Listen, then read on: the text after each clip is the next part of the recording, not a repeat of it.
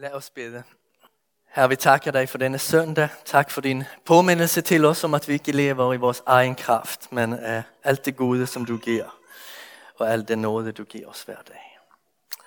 Så beder vi, at du skal velsigne dit ord, at du skal føre det til vores hjerter, at det skal blive til liv og glæde for os, til formaning og opmuntring.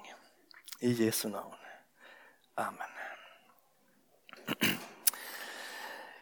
Da jeg planlagde den her serie om kong David, tog jeg beslutning om at prøve at give et helhedsbillede af Davids liv, som det tegnes i Samuels bøgerne. Og derfor holder jeg to prædikner i denne serie, hvor jeg præsenterer hovedlinjerne i et længere tekstafsnit. I dag skal jeg give nogle nøgler ind til 24 kapitler. Men jeg springer over alt, der handler om David og Jonathan, for det skal øh, Jesper Ølenslager kommentere, når han kommer her sidst i oktober. Det tema, som jeg har valgt at studere afsnittet ud fra, er tilliden til Gud. David lærer os meget om tillid til Gud. Og han afslører også tydeligt, hvad der sker, når vi ikke stoler på ham. Hvad tillid eller mistillid ligger vores billede af Gud. Er Gud god? Er han værd at stole på? Eller er det bedst at overtage kontrollen selv? Tre rubriker som sammanfattar Davids hållning i dette afsnit. Gud er til at stole på. Vi lever under hans beskyttelse. Gud er til at stole på, så vi lader ham give os ret, eller give ret. Gud er til at stole på. Eller er han det?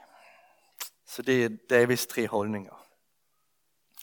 Gud er til at stole på. Vi lever under hans beskyttelse.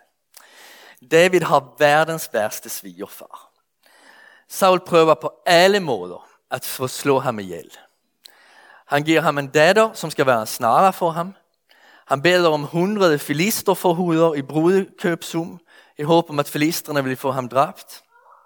Han prøver at spide ham til væggen med et spyd. Han beder sin søn Jonathan om at dræbe ham. Han beder sine mænd om at dræbe ham i sengen. Han forfølger ham uge ind og uge ud i ørkenlandskab og bjergelandskab. David presses til at tage store risici. Foran kongen i Gat, Akish, spiller han vanvittig, sådan at denne ikke skal tro, at han er en trussel og slå ham ihjel. Altså man tænker, hvilket liv han lever, der er bare ingen grænser overhovedet. Han er presset til sit aller yderste. Ikke nok med, at David har en for, øh, forfærdelig fjende i Saul. Hans egen stab føles ikke helt stabil. Hans fars hus slutter op bag ham, og det er sikkert gode nok. Men resten, vi læser i 1. Samuels bog 10 og 22, at alle slags underkuede, alle forgældede og alle forbitrede flokkedes om, om ham, og han blev deres anfører. Så man tænker sådan, held og lykke med det her, David. Det her bliver hårdt, og det bliver det også. Det er faktisk bemærkelsesværdigt, at David overlever. Saul er nemlig slet ikke dårlig til at slå folk ihjel. Ved en del tilfælde klarer David sig gennem sin snedighed. Ved andre tilfælde gennem andres advarsler. Men der er også hændelser, der får os til at forstå, at det er Herren og kun Herren, der står bag hans beskyttelse. En gang når Saul tager ud for at gribe David, lader Herren Saul komme i åndelig henrykkelse og ligge nøgen foran dommeren Samuel et helt døgn. Utroligt fornedrende selvfølgelig. Ved et andet tilfælde er David stort set helt omringet, og man tænker, at her stopper det. Nu får Saul ham dræbt. Hvad læser vi? Men da Saul og hans mænd var ved at omringe og gribe David og hans mænd, kom der bud til Saul. Skynd dig at komme, for filisterne har gjort indfald i landet. Saul indstillede dig forfølgelsen af David. David henter vejledning fra Herren, både for sin tro og for sin beskyttelse. Sådan her kan det lyde. Det er et eksempel fra 2. Mose, Samuels bog 5. David spurgte Herren, og han svarede, drag ikke op imod dem, men gå bag om dem og angreb dem ud fra bakkebuskene. Så snart du hører lyden af trin i bakkebuskenes top, skal du storme frem, for der er Herren draget ud foran dig for at slå filistrenes her. Og det fine er, at denne tillid til Gud, den spreder sig blandt Davids folk. Lederens tro på Gud bliver hele herrens tro på Gud. Således opfordrer Davids herrchef, Joab, herren i kamp imod aramæere og ammonitere. Fat mod, vi vil kæmpe tappert for vort folk og for vår Guds byer. Så må Herren gøre, hvad han finder for godt. Altså vi strider og kæmper, men resultatet er yderst i Guds hånd. Efter mange hårde år kan David se på, hvad han har opnået og forundres. Han ender med et ret stort rige, med mange guvernører og undersutter, sutter, med et forenet folk, med en stor familie, med store rigdomme af guld, sølv og bronze, og med løfte om et evigt kongedømme. I 2. Samuels bog 7.18 siger han ydmygt til Herren, Hvem er jeg, Gud, Herre, og hvad er mit hus, siden du har ladet mig nå så vidt? Vi, ser, vi ser måske ikke med samme undren på vores livsværk. Og alligevel er det sandt, at alt godt vi har opnået, alt godt vi har gjort, alle gode mennesker, der har vejledt os til modenhed og ro, alle sammenhæng, der har fostret, støttet, lært os noget, er udtryk for Guds nåde. Sangforfatteren på 1800-tallet, Lina Sandel, skrev, Jeg kan ikke tælle dem alle. Det tegn på Guds godhed, jeg fik. Livet er let ikke smertefrit, og alligevel er der så meget at sige tak for. Når man begynder at liste alt, hvad man kan klage over, kan man blive ved ret lange, længe. Men det kan man altså også, når man begynder at liste alt godt, som Gud gør og Gud giver. Alt er tegn på, at Gud beskytter og husker os. Når jeg har samtalet med mennesker om, hvorfor det tror på Gud, og så faktisk også i det her medlems, nogle af det her medlemssamtaler, jeg har holdt, så er det ikke så sjældent, at jeg får svaret, fordi jeg flere gange i livet har sagt til mig selv, altså det der kunne have endt rigtig galt.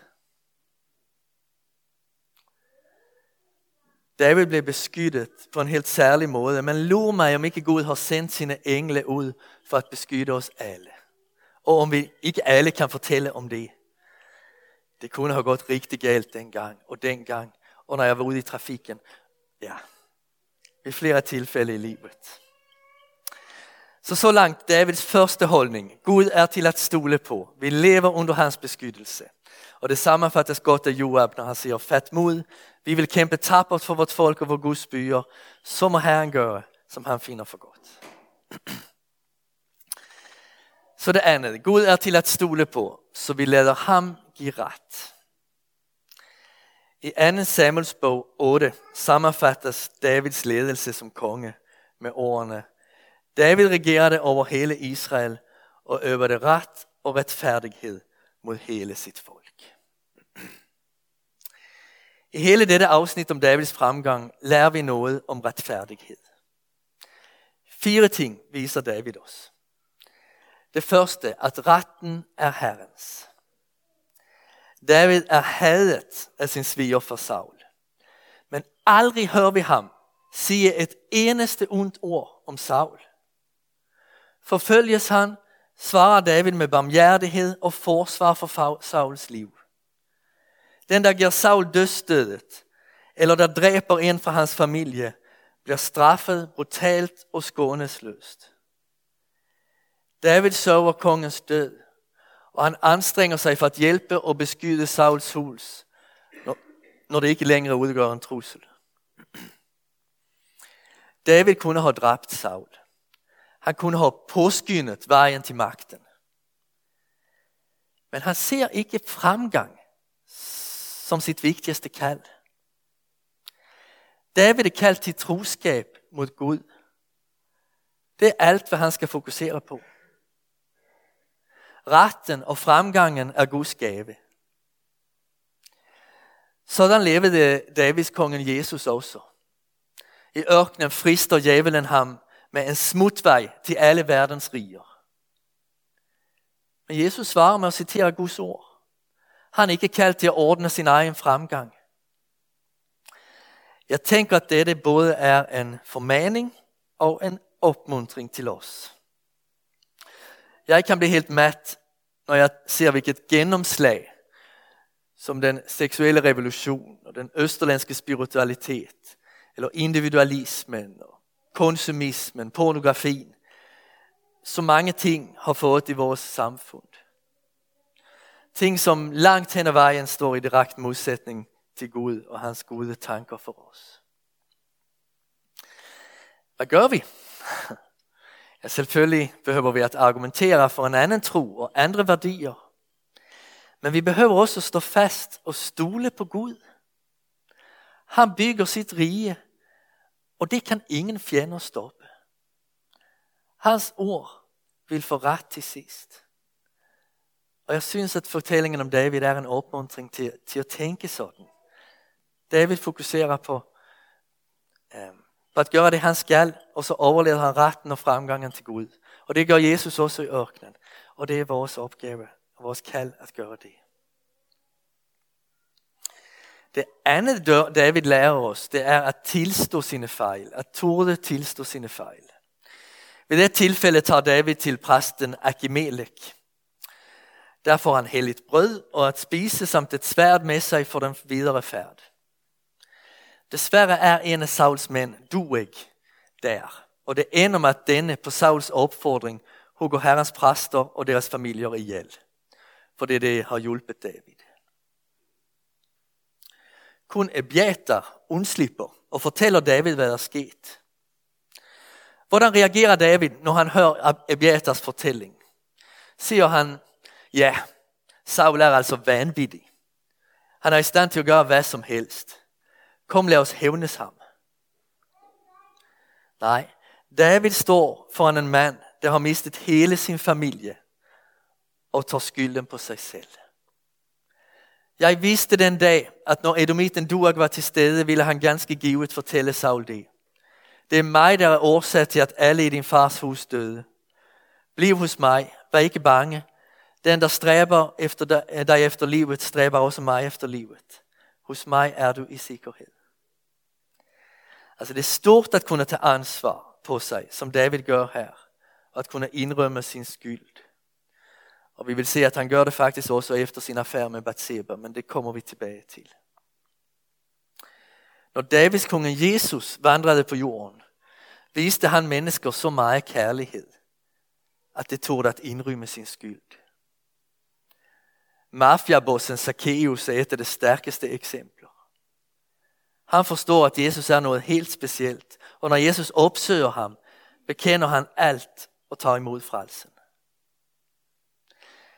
Vi behøver ikke bære rundt på hemmeligheder og på en tung, dårlig samvittighed. Vi får lov til at bekende det hele for Gud og tage imod tilgivelse. David tog det tilstå sine fejl og tage ansvar for dem, for han hvilede i Guds nåde.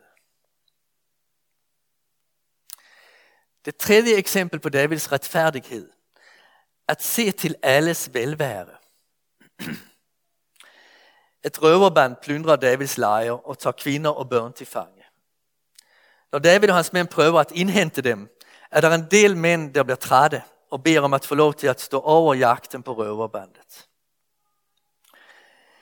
Efterfølgende synes dem, der kæmpede for David, at disse mænd svigtede, og derfor ikke skal få del af byttet, som det har hentet tilbage. Det kan man godt forstå, den reaktion. Men så svarer David, Brødre, sådan må I ikke gøre mod det, Herren har givet os. Han har bevaret os, og røverbanden, der overfaldt os, har han givet i vores hånd. Og hvem vil holde med jer i det? Nej, den der blev i trosset, skal have det samme som den der drog i kamp. Det skal dele lige med hinanden. Sådan har det været lige siden den dag. Han gjorde det til lov og ret i Israel, og det er det, øh, og det er det den dag i dag. Og den dag i dag, det er når det bliver skrevet ned. Det har blir tegnet ned. Endnu en gang påminnes vi om den retfærdige Davids kong Jesus, som lærte os at bede vårt daglige brød. Ikke mit, Nej, brødet for dagen skal deles, så alle får, hvad de har brug for. Det er okay, at alle ikke har samme velstand, men det er ikke okay, at nogle er helt ekstremt rige, og andre helt ekstremt, ekstremt fattige. Det er uretfærdigt. Og det har David lært os, og det har Jesus lært os. Vårt daglige brød, vi deler det med hinanden. Det fjerde, at være sin kone trofast. Jeg mødte engang en mand, som sagde, du som er teolog, kan du svare på det her? Hvorfor er det okay at stjæle en andens kone, men ikke en andens bil? Hvem har fundet på den regel?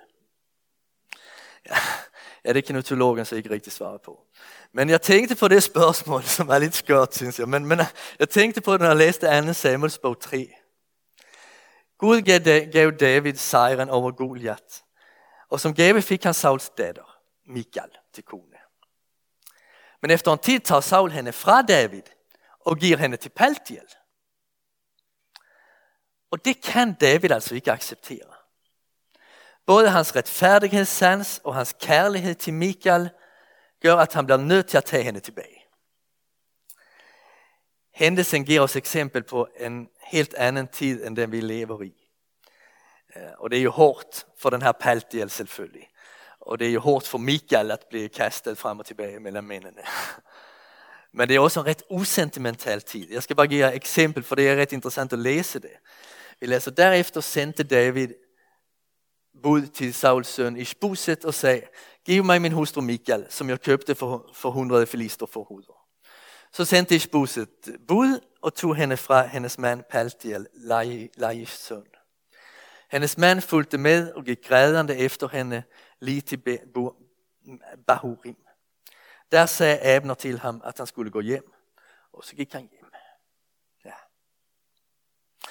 Det er jo først altså i 300-tallet, kan man jo sige med Augustinus, at jeget bliver opfundet. Augustinus skriver jo om sine egne følelser, og hvordan han har det, og hvad han længes efter, hans åtro og alt muligt.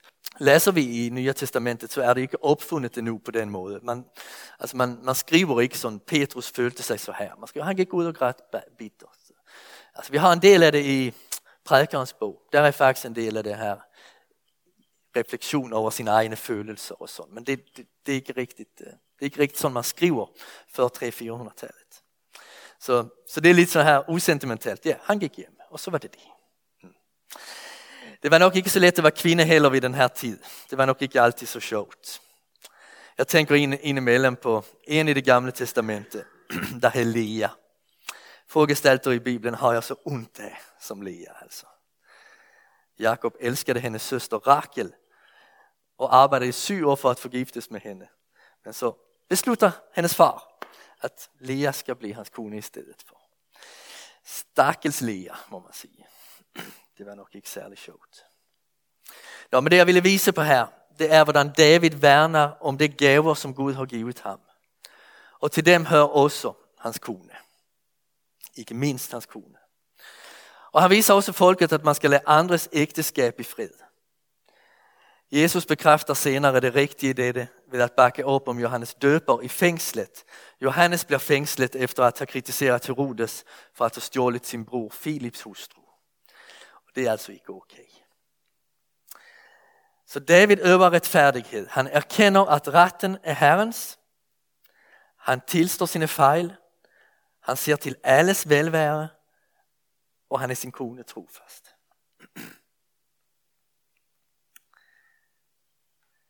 Og så det tredje, desværre det tredje. Gud er til at stole på, eller er han det? I starten af 1. Samuels bog, 27, hører vi David sige til sig selv. En skønne dag mister jeg livet for Sauls hånd. Jeg kan ikke gøre noget bedre end at bringe mig i sikkerhed i filistrenes land. Vi kan udmærket godt forstå ham.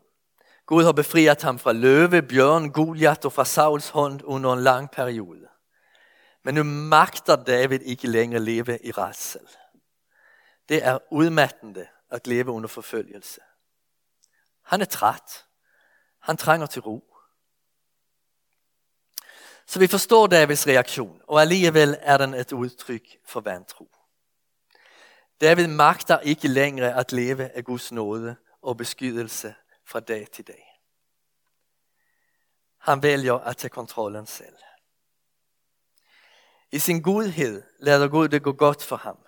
Men konsekvensen bliver alligevel en periode et ret, en ret grotesk livsstil fra Davids side. Han lader filisterkongen Akish at vide, at han hæver i Israel og er ved at lægge sig grundigt for had i landet. Men hvad læser vi? David og hans mænd gjorde indfald hos geshuriterne, girsiterne og amalekiterne. Altså ikke i Israel, som han sagde. Når David hærvede deres land, lod han hverken mænd eller kvinder i live. Men får og køer, æsler og kameler og klæder tog han. David lå hverken mænd eller kvinder i live for ikke at skulle føre med dem til Gat, for han tænkte, det vil røbe os, røbe os og sige, sådan har David gjort. Altså hvis vi så Davids liv på film, og havde begyndt at opbygge en sympati for ham, så ville vi nok være ret skuffede nu. David plyndre folk, som Gud ikke umiddelbart har dømt til undergang. Til sidst er det ved at gå rigtig galt. Davids beskyttere, filisterkongen Akish, stoler på at David har valgt deres side og, og har forladt Saul og har forladt sit folk og at han er hadet i hele Israel. Så han forventer at David og hans mænd går ud i kamp mod Israel. Nu står du på vores side. Nu skal vi kamp mod Israel. Og det bliver David også nødt til at sige ja til. Heldigvis er der nogle andre filistere, der bliver bange for at David er forræder og får ham ud af kampen. Hvis det ikke var sket, ville David aldrig have kunnet blive konge. Vi har sett den syriske president Bashar al-Assad bombe sitt eget folk. Og det er altså næsten utilgiveligt. Det gør man bare ikke. Man bomber ikke sit eget folk.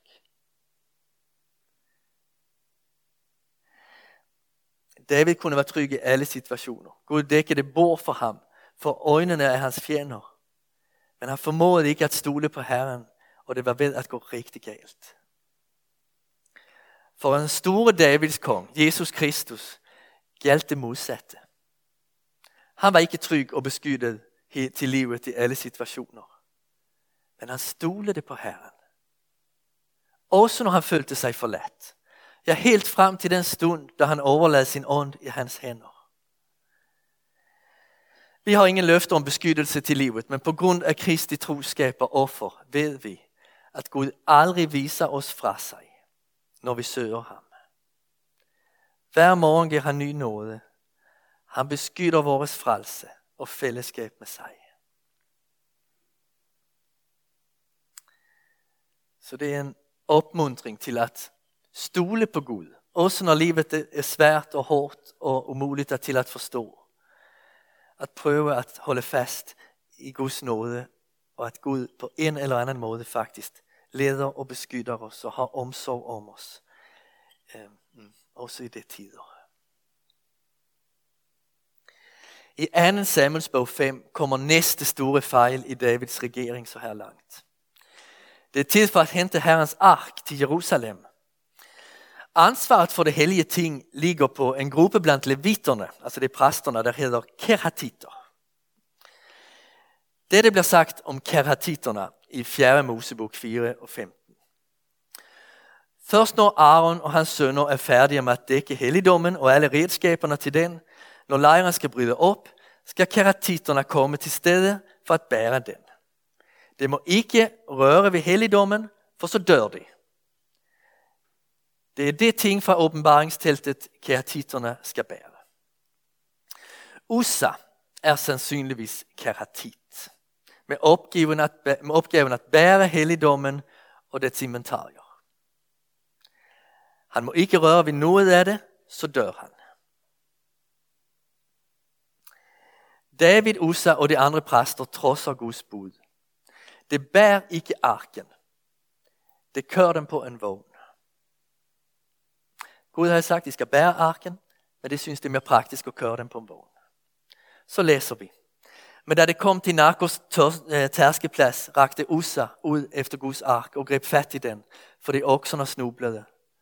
Der flammede Herrens vrede op mod Ussa, og han slog ham ihjel på grund af hans forseelse, og han døde der ved Guds ark. David blev vred på Gud. Han synes det er uretfærdigt. Men han bliver også fyldt af frygt for Herren og tør ikke tage arken med til Jerusalem. Og det tror jeg også, at vi bliver, når vi læser om dette. Gud står fast ved sit ord. Vi har jo ikke lov at sætte os over det, eller at sætte parentes som det, som han har talt. Guds ord er sandhed og liv. Vender vi os bort fra ordet, vender vi os bort fra livet. Vi kan ikke tro på Gud og ignorere det, han siger. Sådan fungerer en relation ikke. Jeg kan ikke sige til min kone, jeg elsker dig, men jeg er ligeglad med, hvad du siger. Det siger sig selv. Gud og hans ord hör samman. Den han er og det han har talt. Arken må blive i gatitten Obed Edoms hus i tre måneder. David tør ikke tage den med til Jerusalem. Hvad gør så Gud med Obed Edoms hus? Edoms hus? Jo, han velsigner det og alt hvad familien ejer. For sådan er Gud i sin hellighed. En forælder tilretteviser sine børn, men det er ikke glæden ved at være forælder. Glæden er at vise dem kærlighed og godhed. Det mindede Peter Tekov også om faktisk i, på et møde for nogle uger siden. Mikas sidste kapitel, der står det, at, at Gud holder af at vise godhed. Han, ja. Og sådan er det jo også som forældre. Vi bliver nødt til at tilrettevise vores børn. Men det vi elsker, det er jo selvfølgelig at vise dem godhed. Det er det, der glæder os. Og Gud välsignar Obed Edoms hus. Det är hans glädje att få lov till att göra det. Och han välsignar David och han velsigner oss. David angrar sig och siger i anden krønikerbog 12, 15 i en parallell tekst till anden Samuels bog. Kun leviterna må bära Herrens ark, må bära Guds ark. Så nu ser han, det, det her Gud har talt, det er det vi skal adlyde. Han har lært noget om alvoren i Guds bud. Og så læser vi i 2. Samuels bog om hvordan han danser af alle kræfter foran Herrens ansigt. David og hele Israels hus førte Herrens ark op under jubelrop og hornklang. Når vi glæder os foran Guds ansigt, er det nok for det meste hans store kærlighed, der motiverer os. Men vi får også lov at glæde os foran den hellige. Måske behøver vi til og med øve os lidt i det. Det tror jeg, at jeg behøver. Sige til Gud, nu står jeg foran dig, du den hellige. Og jeg glæder mig over din storhed, retfærdighed, godhed og skønhed. Det är min glädje att förstå i ditt lys.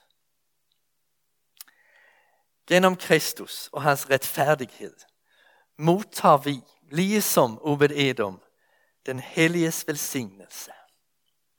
På grund av Kristus kan vi stå i Kristi lys, i Guds lys, välsignad och älskad. Herren byggede Israel trots Davids mange fejl. Men han byggede sitt rige på grund af Kristus. På grund af Davids kongen Kristus.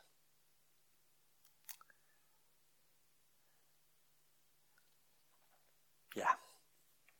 Så det var tre rubriker i dag. Gud till, är till att stole på. Vi lever under hans beskyddelse, under hans trofasthed. Gud är till att stole på, så vi leder, leder ham give oss rätt. Vi tar ikke kontrollen selv. Och Gud är till att stole på. Eller är han det? Och svaret, ja det är han. Och han, han står fast vid sitt ord och han beskyddar sitt folk. Ja. Vi tackar för det. Herre, vi tackar dig för, du, för det att du alltid är till att stole på. Och vi ber om hjälp att, att tro det, att leva sådan, att kunna överlämna vårt liv i dina händer og fortrøste på dig. Tak for det, du har vist os, hvem du er. Og tak for det, at vi må juble over din hellighed, din trofasthed og din kærlighed.